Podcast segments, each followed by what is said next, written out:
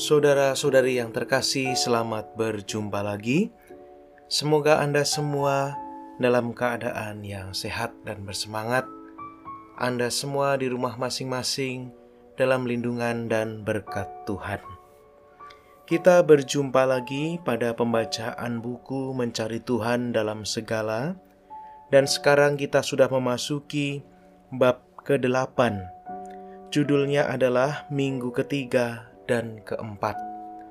Sekarang ini kita memasuki pembacaan bagian pertama. Di sini ada kutipan di awal bacaan. Aku akan memohon rahmat untuk bergembira dan bersukacita secara tulus karena sukacita dan kemuliaan agung Kristus Tuhan kita. Dari Santo Ignatius Loyola. Ada catatan awal sebelum bab ini dimulai. Setelah renungan mengenai kebebasan yang mendalam, yaitu membebaskan diri dari kelekatan pada diri sendiri, Anthony de Melo memperlihatkan bagaimana doa membawa kita kepada Kristus yang disalibkan. Ini adalah minggu ketiga latihan rohani, dan Kristus yang bangkit. Ini adalah minggu keempat latihan rohani. Sekarang saya lanjutkan. Tiga tingkat kerendahan hati bisa disebut sebagai pokok utama minggu kedua. Dalam pencarian kehendak Allah, kita sampai ke titik ketika kita begitu merasakan cinta kepada Kristus dan sangat tidak tertarik, sehingga mengalami pelepasan total dan menyeluruh. Kita begitu mencintai Allah sehingga terbuka pada kondisi sehat atau sakit, hidup atau mati, kaya atau miskin. Itu seharusnya merupakan cinta yang sangat mendalam kepada Allah. Namun, itu bukan titik tertinggi dalam latihan rohani. Tingkat ketiga kerendahan hati adalah sesuatu yang jauh lebih mendalam dan besar dibandingkan dengannya. Kita bisa berjalan sangat lebih jauh darinya dan itulah yang terjadi pada minggu ketiga serta keempat. Masalahnya benar-benar masalah pribadi yang sangat saya jaga. Semua rasa takut datang dari kepedulian saya terhadap diri. Semua gairah berasal dari nafsu untuk memuaskan diri. Bagaimana saya menjelma menjadi bukan saya untuk mencapai kebebasan penuh. Sekarang kita memasuki subbab menanggalkan diri. Fase menanggalkan diri ini dicapai oleh Ramanarsi pada umur 19 tahun. Transformasi total terjadi pada satu momen. Dia tidak pernah melampauinya dan hal itu datang dalam sekejap. Dia merasa sangat ketakutan dan mengira akan mati saat itu. Ketika ketakutan itu lenyap, dia terbujur di lantai, membayangkan diri sudah mati. Saat itulah dia menerima anugerah mistik. Dia memperoleh pembebasan diri. Dia melihat diri sebenarnya, lalu merasakan kedamaian total serta abadi. Tentu saja dia sepertinya adalah orang yang luar biasa. Banyak orang mengatakan bahwa hanya dengan duduk di dekatnya, diksa atau inisiasi akan dia berikan semata dengan menatap orang tersebut. Dia membiarkan matanya menatap kerumunan dan memilih seseorang, lalu orang itu akan berubah lewat tatapan atau sentuhan.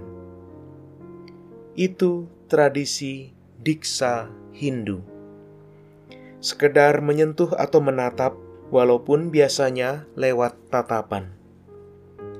Dia memberanikan orang terus-menerus bertanya kepada diri sendiri, Siapa yang mendengar? Siapa yang bicara terus-terusan?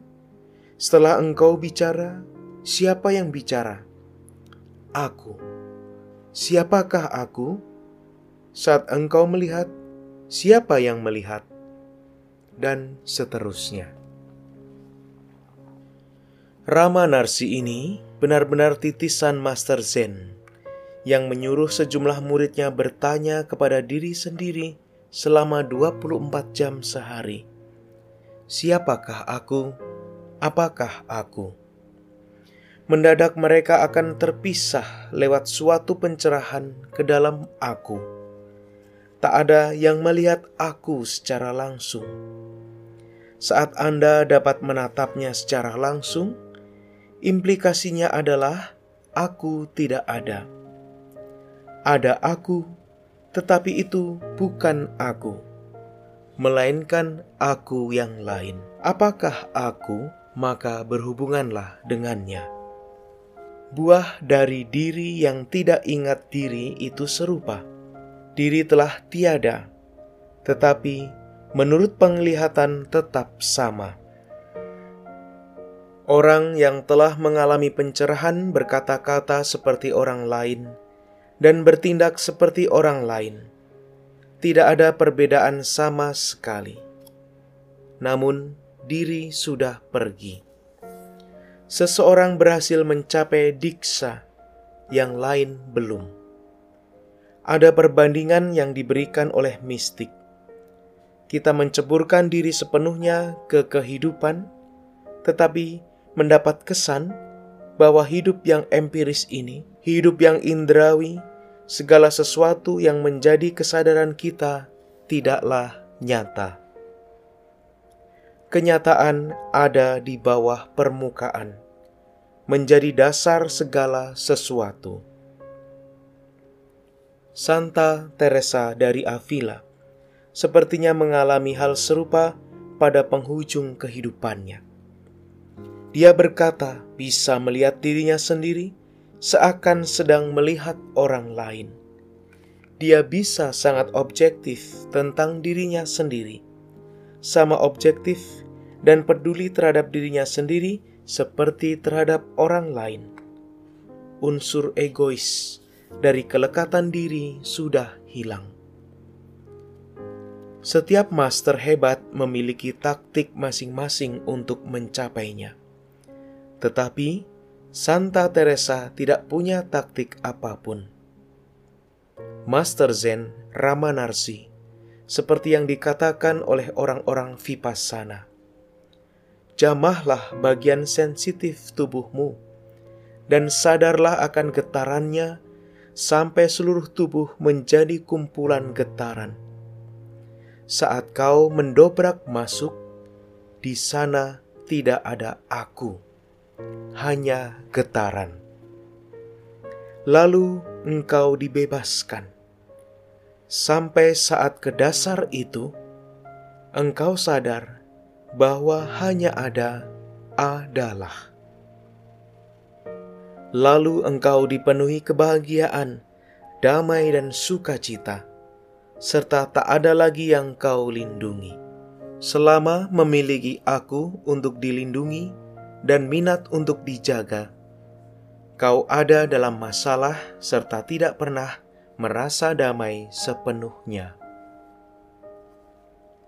Hal aneh tentang penyangkalan diri adalah sebagai berikut: semakin kita berusaha membunuh diri empiris, semakin besar tumbuhnya karena tindakan kita masih berpusat pada diri empiris kita mungkin berkata, "Diriku ini adalah penyebab semua kesulitan, dan itulah sebabnya aku sangat terlibat, dan itulah sebabnya aku penuh rasa tertekan, khawatir, dan takut."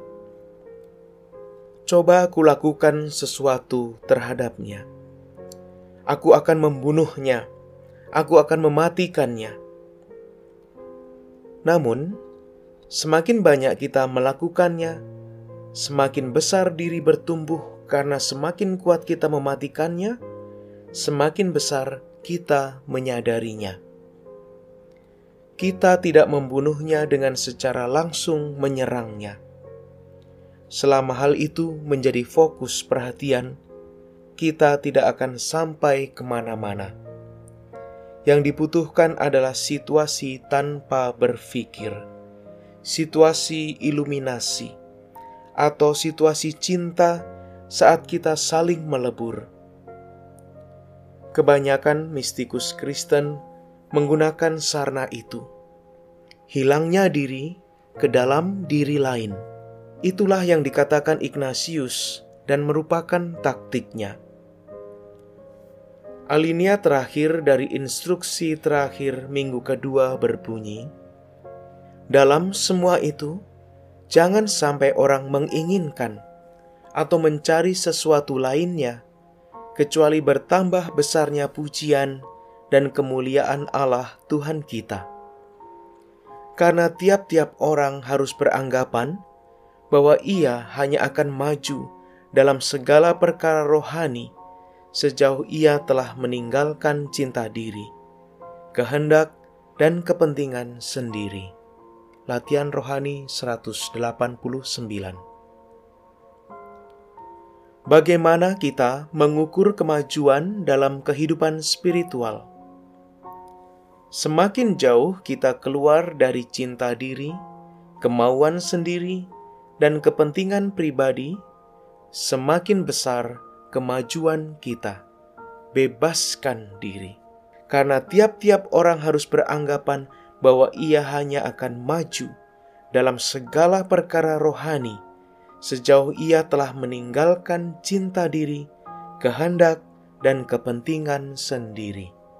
Latihan Rohani 189 Itu baris-baris terakhir minggu kedua tetapi merupakan pengantar yang indah untuk minggu ketiga dan keempat. Apakah itu benar-benar terjadi pada kebanyakan orang? Tidak, tetapi itulah yang ingin kita capai. Lihatlah bagaimana Ignatius memunculkannya dalam petisi minggu kedua bahwa saya memohon rahmat untuk mengenal Kristus mencintainya dan mengikutinya. Namun, ia berbeda dengan saya. Lihat, itu Kristus. Saya ingin mengenalnya, saya ingin mencintainya, dan saya ingin mengikutinya. Ia adalah guru saya, ia adalah Tuhan, dan ia adalah Sang Jenderal yang berjalan di depan. Lalu, karena dihadapkan pada dua pilihan, saya akan memilih yang lebih menyerupai apa yang ia pilih. Nah, jika kita melihat petisi itu dan buah-buah dari minggu ketiga serta keempat, hal misterius terjadi. Kita diberitahu hal lain pada minggu ketiga. Mohon apa yang ku kehendaki, Semestinya lah dalam sengsara, mohon kesusahan bersama Kristus, kehancuran hati bersama Kristus, yang hancur hati, air mata, kesedihan mendalam atas sengsara begitu besar yang telah diderita Kristus untuk diriku. Lalu perhatikan petisi atau permohonan minggu keempat. Di sini Mohon rahmat untuk merasakan dalam-dalam sukacita dan kegembiraan karena Kristus Tuhan kita begitu mulia dan gembira. Latihan Rohani 221 Semua itu emosi. Kristus menderita. Saya mau merasakan penderitaannya sebagai penderitaan saya sendiri saya ingin bergetar dalam persatuan dengannya.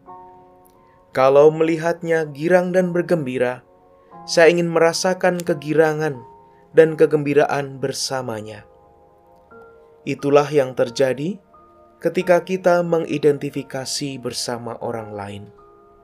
Semakin kita mengidentifikasi diri bersama orang lain, semakin kita bergetar dengan seluruh emosinya. Dia sedih, kita sedih. Dia bahagia, kita bahagia. Seakan saya berdiri di depan Kristus dan bertanya, "Apakah engkau bahagia?" Dia berkata, "Sangat bahagia dalam terang dan sukacita kebangkitan." Lalu semua masalah, gejolak, dan sukacita saya memudar ke dalam apakah Kristus bahagia? Aku bahagia. Hal itu hanya bisa terjadi saat kita mengidentifikasi diri dengannya. Dengan kata lain, selama saya memelihara cinta diri, kehendak diri, dan kepentingan pribadi, bisakah saya melakukan kehendak Kristus? Cinta, kehendak, dan kepentingan Kristus mungkin berbeda dengan kita.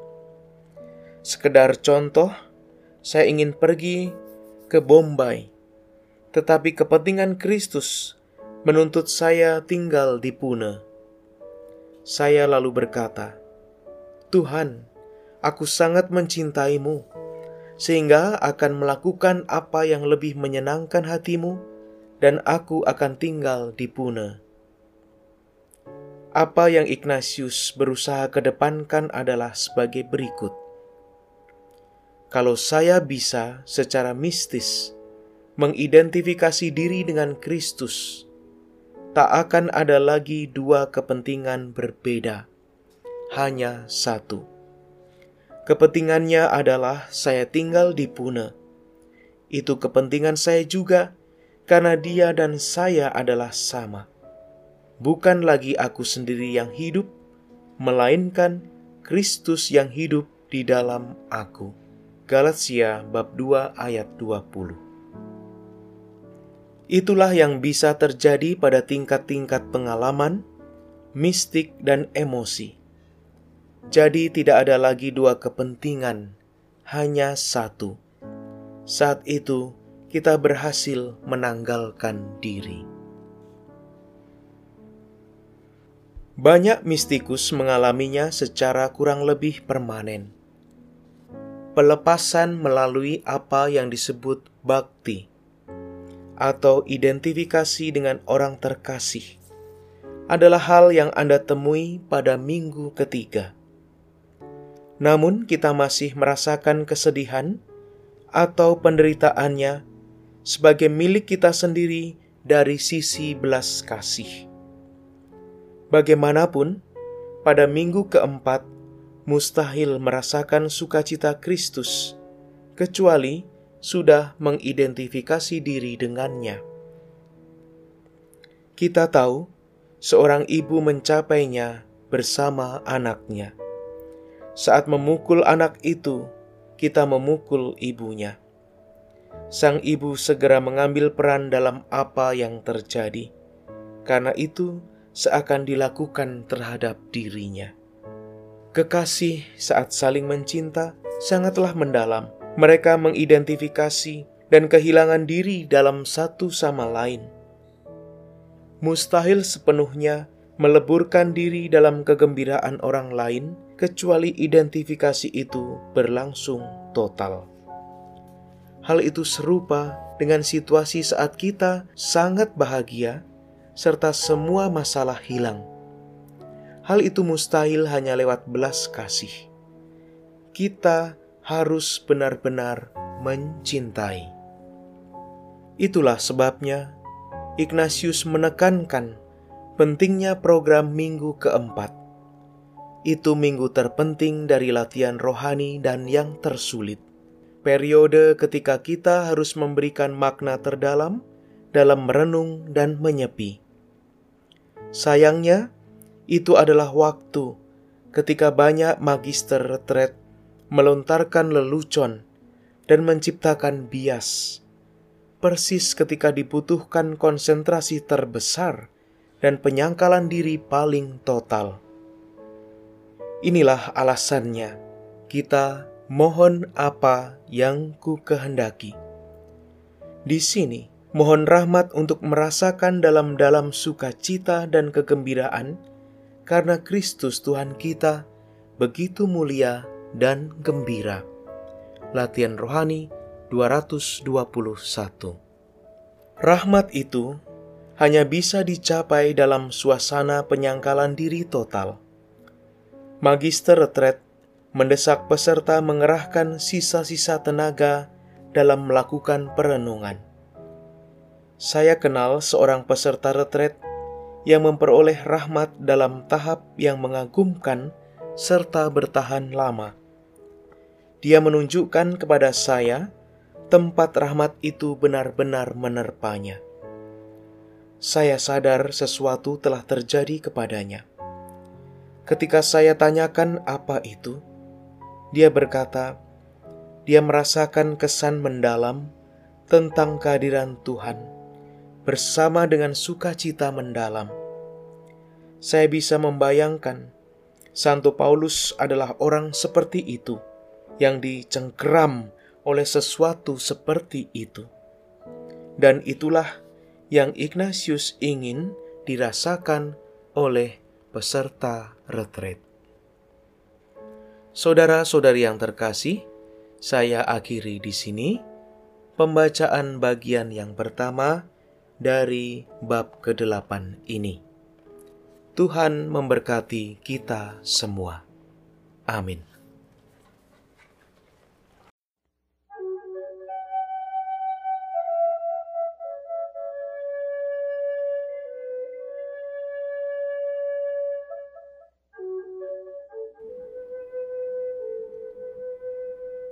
Saudara-saudari yang terkasih, selamat berjumpa lagi. Semoga Anda semua dalam keadaan yang sehat, selalu bersemangat, dan senantiasa dalam lindungan Tuhan yang penuh kasih.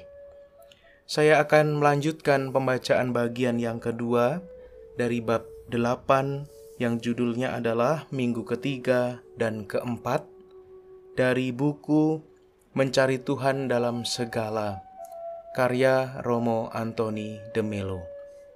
Saya lanjutkan. Saat memperoleh mahkota kemuliaan dari latihan rohani, yakni kontemplasi untuk mendapat cinta Allah, sama sekali tidak disebutkan tentang Kristus. Mungkin terasa janggal. Sekarang persatuan begitu total sehingga segala sesuatu adalah Bapa. Allah adalah segalanya. Seakan kita menjadi Kristus dan melihat keseluruhan ciptaan dengan kacamata Kristus. Kita sekarang teridentifikasi dengan keilahian dan tak ada lagi Kristus. Hal itu masuk akal secara teologis juga bagi Ignatius. Kristus adalah jalan, bukan tujuan. Hal terindah yang bisa kita katakan kepada Yesus Kristus bukanlah "Aku mencintaimu", melainkan "Sekarang aku belajar mencintai Ia sebagai buah persatuanku denganmu". Karl Rahner berkata, bahwa Kristus terobsesi dengan Bapaknya. Saya sepakat itu. Obsesi besarnya adalah bersama Bapa dan keseluruhan keberadaannya diarahkan kepada Bapa. Itulah sasaran latihan ketiga. Bagaimana kita bisa menerima rahmat yang diterima Santo Paulus itu? Lewat fantasi, kontemplasi, dan penerapan indera. Itulah cara-cara mengalami penderitaan Yesus dan sukacita Yesus sebagai milik kita, serta mengidentifikasi diri dengannya jelas-jelas lewat rahmat dan penghiburan. Hal itu memunculkan seluruh masalah tentang mengurus diri, memiliki sikap yang sehat terhadap diri, menyayangi diri, dan menghargai diri. Bagaimana hal itu cocok dengan doktrin Ignatius? sangat cocok, amat sangat cocok. Itu seperti paradoks, karena kita tidak bisa melupakan diri sendiri dan benar-benar membebaskan diri sampai kebutuhan kita pertama-tama dipenuhi. Saat kebutuhan terpenuhi, kita bisa melupakan diri. Sebagai contoh, kita mungkin merasa lapar dan berpuasa, serta tidak bisa menyingkirkan pikiran tentang makanan dari benak kita. Jadi, kita harus makan dengan enak, baru kemudian terbebas dari perut kita. Kalau tidak, perut akan menarik terlalu banyak perhatian kita. Ada bahaya di wilayah penolakan diri, pemusnahan diri, dan penyalipan diri. Semakin kita menyangkal diri dari makanan, rasa nyaman, penghargaan, pujian, dan cinta, semakin bayi itu mulai menangis. Beri makan bayi yang terganggu itu, maka dia akan tidur dan kita terbebas darinya. Lalu kita bisa maju dan melakukan hal lain. Kalau tidak, bayi itu akan terus menangis sepanjang hari. Penuhi kebutuhan sang bayi, penuhi kebutuhanmu, asupi semua kebutuhan diri yang masuk akal, dan setelah melakukannya, jangan paksa lebih lanjut. Ada hal lebih dalam yang perlu ditemukan ada sesuatu yang lebih mendasar dan indah dalam kehidupan manusia dibandingkan naluri dasar di tataran hewani. Saya menyebutnya manusiawi, bukan adi kodrati. Keilahian, keabadian, diri yang lebih dalam adalah bagian kemanusiaan kita. Lakukan pencarian diri yang lebih dalam lalu kita pada akhirnya akan dibebaskan dari rasa takut, sukacita, dan semua hal yang kita alami serta normal kita rasakan karena ada tataran lebih dalam yang tersedia bagi kita. Sejumlah mistikus sudah mencapai tataran itu dan memenuhi kebutuhan diri empiris sejak bayi itu berhenti menangis. Namun, mistikus lain mencapai tataran itu, dan anak itu masih menjerit. Mereka adalah contoh yang buruk dari kemanusiaan. Itu adalah tragedi. Spiritualitas sejati mengambil wujud pribadi secara total. Semua orang bersifat spiritual, bahkan ketika kita memenuhi kebutuhan diri empiris. Sabda menjadi daging, dan daging adalah bagian roh. Teyat dipenuhi topik itu. Penuhi seluruh kebutuhan daging. Jangan lari dari kemanusiaan untuk mencapai tahap spiritual nyata. Tanggalkan diri dan perhatikan bagaimana kita menanggalkan diri bukan karena rasa benci atau hasrat untuk membunuh diri yang jahat. Diri memiliki realitasnya sendiri. Realitas yang murung mungkin, tapi indah, didukung kemuliaan Allah dan memiliki hak serta kebutuhannya sendiri. Saat kebutuhan dasar itu terpenuhi, kita bisa melampaui diri. Kita tidak membunuh atau menghancurkannya. Bahkan setelah melampauinya, keindahan yang lebih besar muncul ke dalamnya. Apa yang lebih cantik dibandingkan orang yang melakukan terobosan ke yang mistis dan ilahi?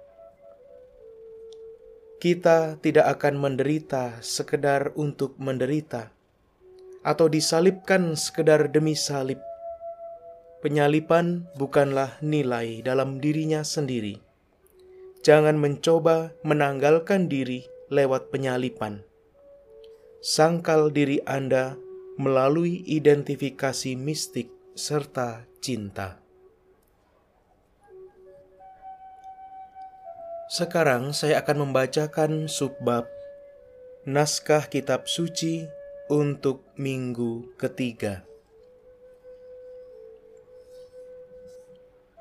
Sejumlah kecil naskah kitab suci yang berkaitan dengan minggu ketiga berguna bagi peserta retret. Itu adalah naskah yang berkaitan dengan kalimat kunci kemurahan hati pada minggu ketiga apa yang harus kulakukan untuk Kristus dan menderita untuknya adalah salah satu poin yang diangkat Ignatius pada setiap meditasi serta kontemplasi.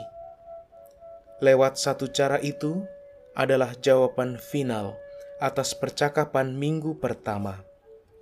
Apa yang telah kuperbuat bagi Kristus? Apa yang sedang kuperbuat bagi Kristus? Dan apa yang harus kuperbuat bagi Kristus. Latihan Rohani 53 Pada minggu ketiga, Ignatius menambahkan, Apa yang harus kukerjakan dan kuderita baginya. Latihan Rohani 197 Santo Paulus mengetengahkannya dengan sangat baik dalam beberapa baris 2 Korintus bab 5 ayat 14. Sebab kasih Kristus yang menguasai kami, karena kami telah mengerti bahwa jika satu orang sudah mati untuk semua orang, maka semua sudah mati. 1 Tesalonika bab 5 ayat 10 Tuhan kita Yesus Kristus sudah mati untuk kita, supaya entah kita berjaga-jaga, entah kita tidur, kita hidup bersama-sama dengan Dia. Roma bab 14 ayat 7 Tidak ada seorang pun di antara kita yang hidup untuk dirinya sendiri, dan tidak ada seorang pun yang mati untuk dirinya sendiri. Keempat naskah itu, dalam cara tertentu, lebih dari cukup untuk minggu ketiga. Metode penyangkalan diri tidak begitu mencerahkan dibandingkan penyerahan total dan meninggalkan diri ke dalam Kristus, suatu identifikasi sempurna dengan Kristus. Sekarang saya akan melanjutkan subbab pengantar ke minggu keempat. Menyadari bahwa minggu ini membutuhkan waktu renungan terbanyak. Mari kita masukkan refleksi teologis berkenaan dengan seluruh tema kebangkitan yang berguna bagi peserta retret pada tahap ini. Kebangkitan tidak sama dengan resusitasi, bukan menghidupkan orang mati, sebagaimana Yesus menghidupkan Lazarus dan putri Yairus. Kristus tidak diresusitasi. Ia bangkit, yang berarti ia tidak dikembalikan ke kehidupan kita. Ia dibawa ke kehidupan lain, dan hal itu penting untuk difahami. Kehidupan yang sekarang dijalaninya bukanlah kehidupan kita, bukan keberadaan manusia yang kita hidupi. Ia menjalani kehidupan baru itu adalah penciptaan baru, dunia baru yang ia jalani. Jadi, bukannya orang tua yang diperbaiki, tetapi ciptaan baru yang dilahirkan. Kehidupannya yang dibangkitkan itulah yang kita bagi dengannya sekarang. Iman mengatakan kepada kita bahwa saat ini kita berperan serta dalam keberadaannya yang dibangkitkan. Kehidupan itu sudah ada, dan Kristus akan memberitahu kita untuk mengikutinya dalam penderitaan, supaya kita bisa mengikutinya dalam kemuliaan. Keduanya berjalan beriringan. Hal itu sangatlah khas dari Injil Yohanes, yaitu Kristus menyatukan penyalipan dan kebangkitannya dengan mengatakan ditinggikan dari bumi. Yohanes bab 12 ayat 32. Lihat juga Yohanes bab 3 ayat 14 dan Yohanes bab 8 ayat 28. Kebangkitan tidak bisa difahami secara terpisah dari penyaliban. Penyaliban tidak bisa dipahami secara terpisah dari kebangkitan. Saat ambil bagian dalam kehidupan yang dibangkitkan, kita mengalami kemuliaannya, seperti disampaikan oleh Santo Paulus. Sebab, sama seperti kami, mendapat bagian berlimpah-limpah dalam kesengsaraan Kristus. Demikian pula oleh Kristus, kami menerima penghiburan berlimpah-limpah. 2 Korintus bab 1 ayat 5 Begitu banyak pengalaman orang kudus yang menunjuk pada salib Kristus dan sekaligus pada kebangkitannya. Hal lain yang muncul ketika kita ambil bagian dalam kebangkitan Kristus adalah ciptaan baru, pembaruan hidup yang segera menjadi nyata bagi manusia. Orang yang dibangkitkan secara lahiriah terlihat persis sama seperti orang lain, tetapi ada kualitas dalam kehidupan mereka yang sangat berbeda. Kualitas nilai, sikap, cara hidup mereka sangatlah berbeda. Harvey Cox, penulis God's Revolution and Man's Responsibility, bicara tentang perubahan itu. Dia bicara tentang perubahan lewat penyaliban, kehidupan yang dibangkitkan melewati penyaliban yang dipaparkannya dengan sangat baik. Berjalan dalam kebaruan kehidupan berarti melihat kehidupan dari perspektif penyaliban. Melihat dunia sebagai tempat penyalipan Yesus berlangsung hari ini, besok, dan setiap hari. Mengidentifikasikan diri dengan kematian Yesus berarti bergerak keluar dan mengambil bagian dalam penyalipan yang terus berlangsung. Berjalan di pembaruan kehidupan berarti berbagi dalam proses kematian. Berjalan dalam pembaruan kehidupan tidak berarti bersukaria dan bersenang-senang. Itu berarti berperan serta dalam kematian Yesus.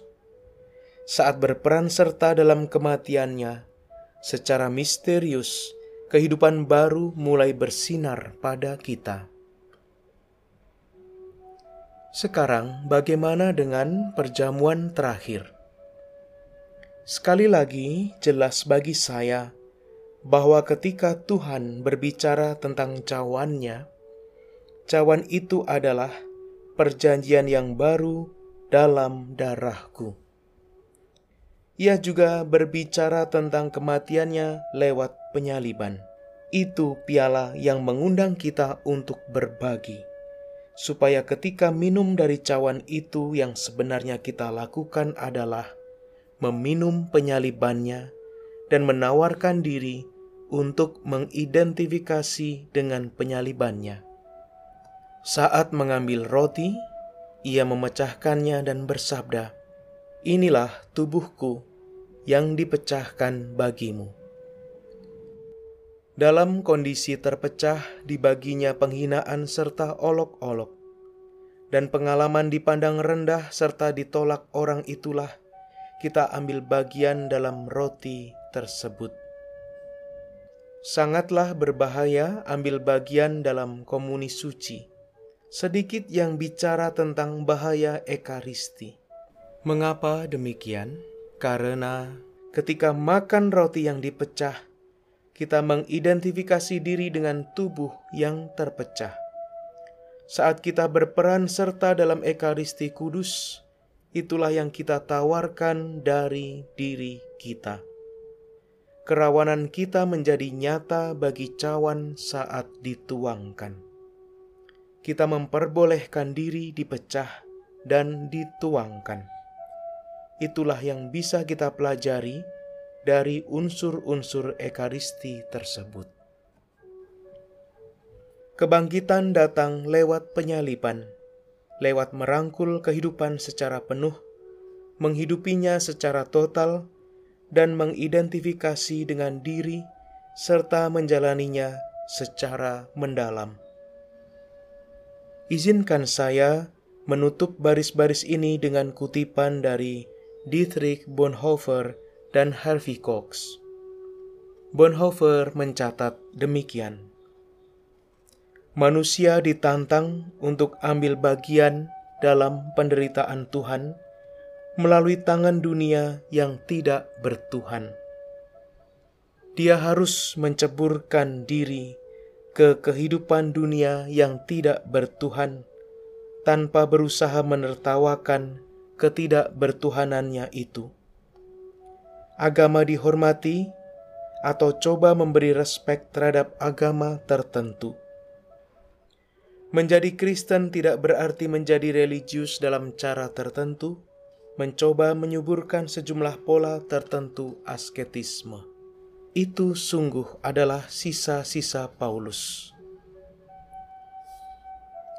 Kalau membaca Korintus 1 dan Kolose, Anda akan mendapati bahwa dia bersikukuh bahwa asketisme atau praktik atau puasa sangat bersifat sekunder Bonhoeffer meneruskan, menjadi Kristen berarti menjadi manusia sejati.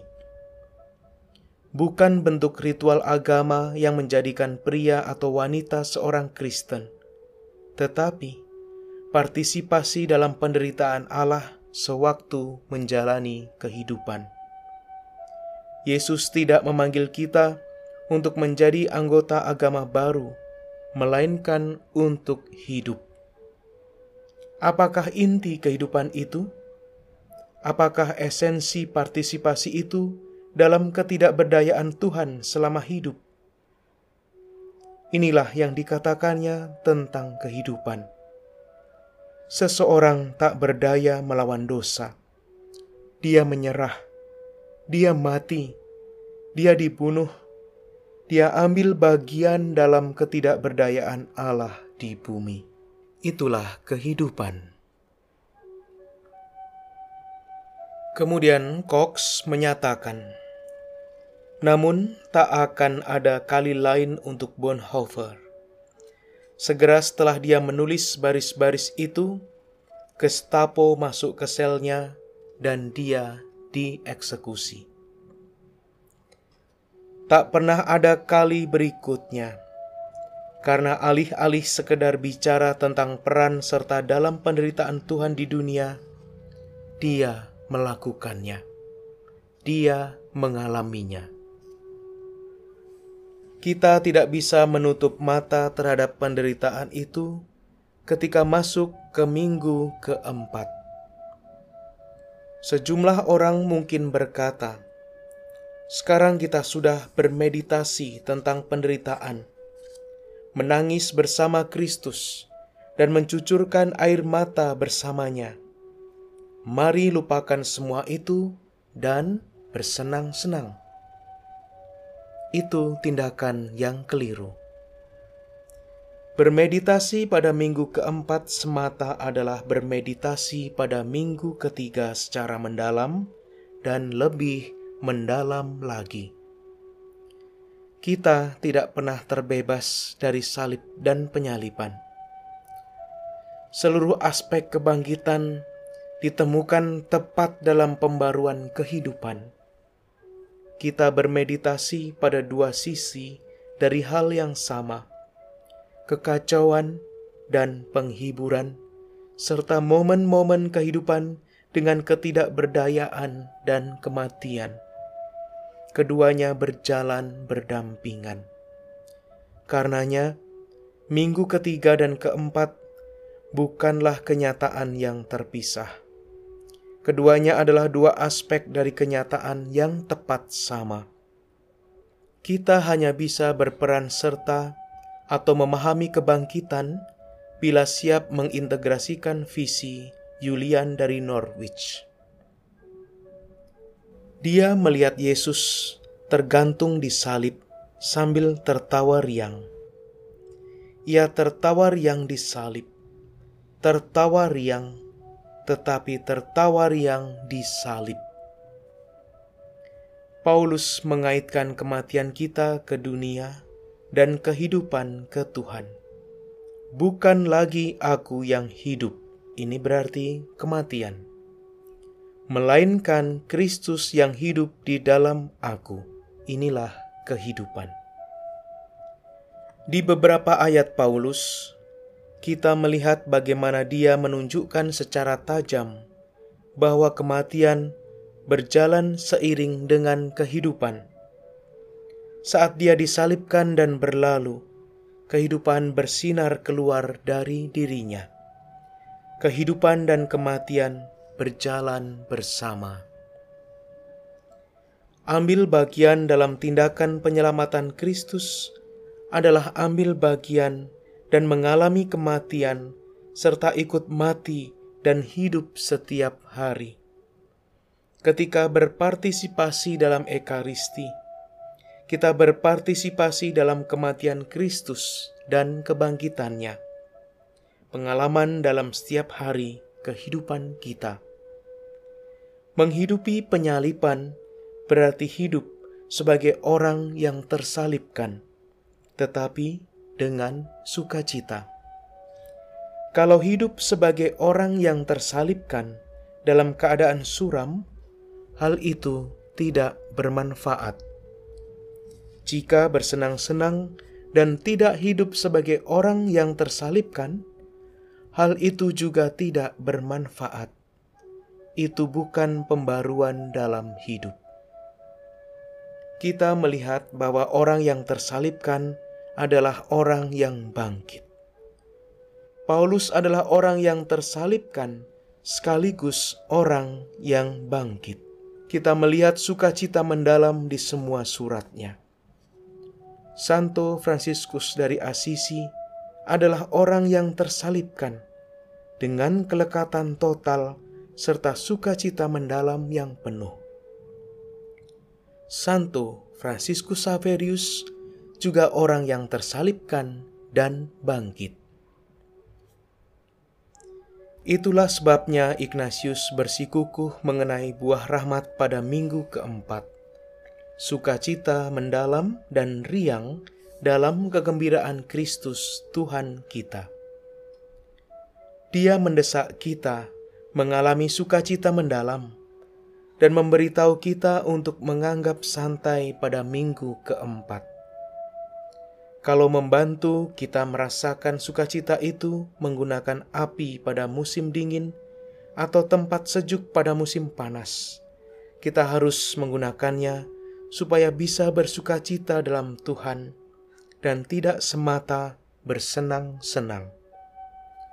Yang ingin ditunjukkan Ignatius kepada kita adalah kita mendapatkan sukacita intens itu tidak melulu dengan berpuasa, melainkan juga lewat hal-hal baik di dunia.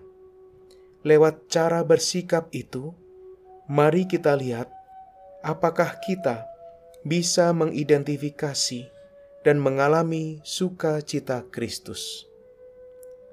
Dalam 1 Korintus bab 4 ayat 10 sampai 13, Paulus mengemukakan petunjuk ini dengan cara sangat indah. Karena Kristus, kami adalah orang yang bodoh, dan kalian orang Kristen yang pandai. Kami lemah, kalian kuat.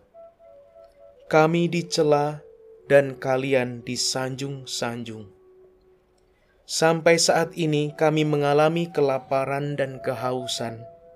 Pakaian kami tinggal yang di badan saja. Orang menyiksa kami. Kami tidak punya tempat untuk menetap. kami membanting tulang untuk mencari nafkah. Apabila kami dikutuk, kami membalas dengan berkat. Kalau kami dianiaya, kami sabar. Kalau orang memburuk-burukan kami, kami membalas dengan kata-kata yang manis. Kami tidak lebih dari sampah dunia. Kami masih dianggap kotoran bumi sampai hari ini. Paulus juga menulis di 2 Korintus bab 4 ayat 16. Sebab itu kami tidak tawar hati tetapi meskipun manusia lahiriah kami semakin merosot, namun manusia batiniah kami dibarui dari sehari ke sehari. Kita harus mencermati bahwa Paulus tidak berbicara tentang kehidupan setelah kematian, melainkan apa yang sedang kita alami sekarang ini. Kita juga bisa mengecek Kolose bab 3 Roma bab 6 ayat 3 sampai 11 dan Filipi bab 3 tentang topik mengenal Kristus serta mengalami kuasa kebangkitannya. Saudara-saudari yang terkasih, saya cukupkan di sini pembacaan bagian yang kedua. Semoga Tuhan memberkati kita semua. Amin.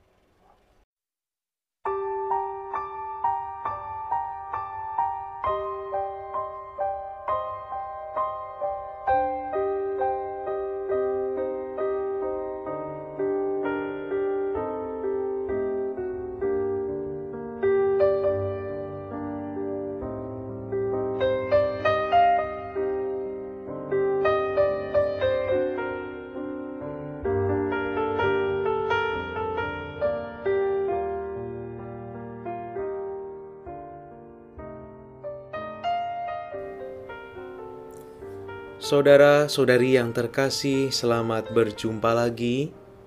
Kita akan melanjutkan pembacaan bagian yang ketiga dari bab 8 tentang minggu ketiga dan keempat dari buku Mencari Tuhan dalam Segala karya Romo Antoni de Melo. Saya lanjutkan. Pengalaman itu serupa transformasi yang datang ke orang saat mereka tak lagi menyukai orang lain, tetapi benar-benar serupa dengan orang lain. Kendala dari orang yang dibangkitkan adalah mereka punya perangkat nilai lain yang tidak masuk akal bagi dunia. Itulah yang terjadi pada Yesus dan seluruh perangkat nilainya ia bersentuhan dengan kenyataan yang tidak bersentuhan dengan dunia. Dengan begitu, dia sangatlah tak berdaya di dunia. Orang yang terbangkitkan tak ada yang begitu betah di tengah ciptaan, atau lebih menjadi tunawisma di muka bumi. Orang seperti Santo Fransiskus dari Assisi sangat betah berada di alam cipta alam dan kemanusiaan, tidak dengan dunia dalam pengertian yang Yesus maksudkan. Dunia adalah musuhnya. Aku meminta supaya Bapa mengambil mereka dari dunia ini, tetapi aku meminta supaya Bapa menjaga mereka dari si jahat. Yohanes bab 17 ayat 15 Orang yang terbangkitkan sangat betah berada di tengah-tengah masyarakat, tetapi sangat tidak betah ketika berhadapan dengan sikap dan nilai orang-orang, kedagingan, serta iblis. Sangat tidak betah di tengah orang-orang yang egois dan profan. Kristus menghimbau kita agar rela dikejar dan dibenci. George Bernanos mengatakan Kristus memanggil kita untuk menjadi garam dunia, bukan madu dunia, bukan pot madu yang menarik lalat, tetapi garam. Kalau kita menggosokkan garam di luka, akan terasa sakit. Ke mana pun orang yang terbangkitkan pergi, kehadirannya menyakitkan bagi orang yang duniawi. Itu seperti menggosokkan garam di luka. Sama seperti Yesus. Seperti saya katakan sebelumnya, kita mungkin beranggapan Yesus datang membawa damai. Sebaliknya, Yesus datang untuk membawa perpecahan seorang imam Anglikan menulis dengan indah tentang kenyataan bahwa bagi semua kepeduliannya tentang kenyataan akan kebangkitan Yesus, gereja belum terlalu hebat menunjukkan kualitas kehidupan yang dibangkitkan. Hal itu sungguh tepat dikemukakan. Penulis ini percaya bahwa gereja terobsesi dengan pertunjukan fakta kebangkitan Yesus. Dia berharap gereja tidak terlalu terobsesi dengan fakta-fakta historis, melainkan lebih terobsesi menunjukkan kualitas hidup yang terbangkitkan. Bila gereja memberi kita sedikit lebih banyak bukti tentang kualitas kehidupan yang terbangkitkan, orang akan lebih siap percaya dengan fakta kebangkitan. Pikirkan jenis kehidupan seperti ini yang dicontohkan oleh Mahatma Gandhi. Dia selalu ceria, penuh kedamaian, bahkan humoris dan sangat tenang, serta menjadi teladan kondisi tersalibkan. Buah dari minggu keempat itu tiada lain adalah pertemuan dengan Tuhan yang bangkit. Saya mengundang para peserta mengejar rahmat itu pada minggu keempat.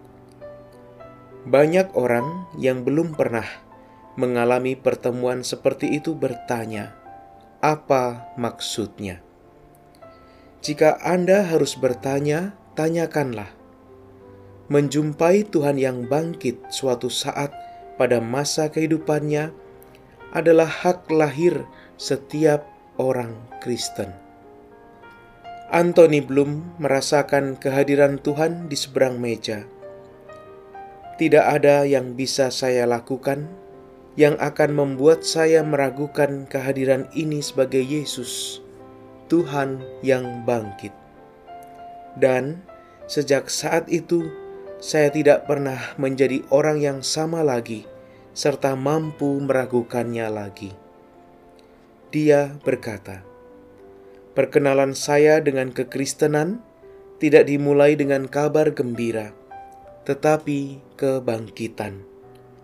Bagi saya, kebangkitan bukan suatu fakta sejarah, melainkan pengalaman." Jadi saya sampaikan kepada peserta retret pada minggu keempat, kalian telah sangat bermurah hati kepada Tuhan pada hari-hari ini. Kalian menunjukkan semangat rekoleksi yang sangat dalam. Sekarang, desaklah untuk rahmat ini. Mintalah agar bisa berjumpa dengan Tuhan yang bangkit. Dan dalam perjumpaan ini, agar kalian menanggalkan diri kepadanya, jatuh cinta kepadanya, dan dengan demikian memetik buah minggu itu. Itulah sebabnya saya memberanikan peserta retret agar selama minggu keempat mempertahankan rekoleksi dan meningkatkan upaya untuk menemukan Allah. Menurut saya, banyak magister retret mengabaikannya saat membuat para peserta tertawa. Ignatius sangat tidak suka orang tertawa-tawa selama retret, dan saya sependapat dengannya. Tertawa adalah hal yang mengagumkan dan obat yang mujarab, tetapi tidak pada tempatnya selama retret. Walaupun mengendurkan ketegangan yang sangatlah baik, tidak ada musuh lebih besar yang mengancam konsentrasi selain pikiran dan hati yang melantur. Kalau tertawa, kita tidak bisa berkonsentrasi. Begitu mulai kehilangan konsentrasi pada minggu keempat dan mulai bersenang-senang, kita kehilangan rahmat paling berharga dari minggu ini. Kalau memahami dengan cara ini, kita akan benar-benar melihat betapa keempat minggu memiliki buah yang sama, tetapi masing-masing bisa dilihat dengan cara berbeda. Kalau dipikir-pikir, tidak ada perbedaan mendasar di antara minggu-minggu itu. Kematian total dan kehidupan baru ada pada setiap minggu. Itulah sebabnya Ignatius memberitahu kita agar memetik semua buah pada minggu pertama, seakan tidak ada minggu-minggu berikutnya. Kita tidak bisa memberlakukan aturan kepada Tuhan. Tuhan bisa memberikan pertobatan sempurna pada minggu pertama, karena itulah pertobatan mengabaikan diri sepenuhnya dan beralih seutuhnya kepada Tuhan. Kalau sampai ke tahap pertobatan total, kita berhasil melakukannya. Kita telah menyelesaikan seluruh retret pada minggu pertama. Saya kenal setidaknya satu orang yang menyelesaikan retret 30 hari dalam 10 hari. Tuhan memberikan semua kepada peserta retret itu pada waktu itu. Pada minggu kedua, kita menggunakan khotbah di bukit dan menemukan pertobatan di sana. Minggu ketiga dan keempat menuntun kita untuk mati terhadap diri sendiri serta hidup untuk Kristus. Buahnya sama, tetapi dengan cara berbeda dan pada tingkat lebih dalam. Seakan pusat gravitasi meninggalkan kita dan memasuki Tuhan. Singkat kata, buah keempat minggu itu bukan lagi aku yang hidup, melainkan Kristus yang hidup di dalam aku. Kita tidak boleh berusaha menghasilkan semua itu untuk diri sendiri. Kalau tidak, kita hanya akan menemui kesulitan. Ambil contoh Jean Vanier yang tinggal bersama dan untuk orang yang memiliki kelainan mental. Kita melihatnya dan melihat diri kita, serta berkata, "Aku belum melakukannya. Orang Kristen macam apa aku?" sangat hina. Itu memaksa diri. Jangan membuat diri menderita dan membuang-buang banyak energi spiritual. Kehidupan baru adalah karunia Tuhan. Harus ada yang mekar dari dalam diri, dari lubuk hati terdalam. Saat kita tiba-tiba berbunga dan menghasilkan buah yang merupakan wujud manusia sebenarnya, kita harus pergi dan melakukan hal yang sepenuhnya berbeda. Kalau mencoba menghasilkannya, kita akan mendapat masalah. Banyak peserta retreat berusaha mendapatkan buah itu dan mulai memaksa diri kita sebaiknya tidak memaksa diri untuk menghasilkan buah dengan kekuatan sendiri. Lebih baik kita mengingininya dan bersantai. Tuhan akan mengaruniakannya kepada kita. Cara terburuk untuk maju dalam kehidupan spiritual adalah dengan membuat diri kita merasa bersalah. Mari memohon agar Tuhan memberi kita lebih banyak kalau Ia menginginkan lebih banyak. Dengan cara lain, kita mungkin berkata, "Mereka punya karisma mereka, aku punya karismaku." Tidak ada yang bisa mengatakan mana yang lebih baik dan mana yang lebih buruk. Masing-masing harus melakukan tugasnya sendiri kita harus mendengarkan suara hati dan mengikutinya. Takdir kita pasti akan menuntun kita ke penyalipan dan kebangkitan. Kita bisa bertumbuh dalam cara itu, tetapi tidak dengan membuat tegang otot psikologis dan spiritual, karena hal itu tidak akan mengantar kita ke mana-mana. Lebih baik kita memohon rahmat pemahaman dan penerimaan. Dengan memintanya, Tuhan akan lebih mengidentifikasi kita dengan putranya. Saudara-saudari yang terkasih, selesai sudah pembacaan kita untuk bab delapan ini. Semoga bacaan dari bab delapan ini memberikan wawasan yang baru kepada Anda semua dan mendorong Anda untuk semakin mencintai Tuhan kita. Semoga Tuhan memberkati kita semua. Amin.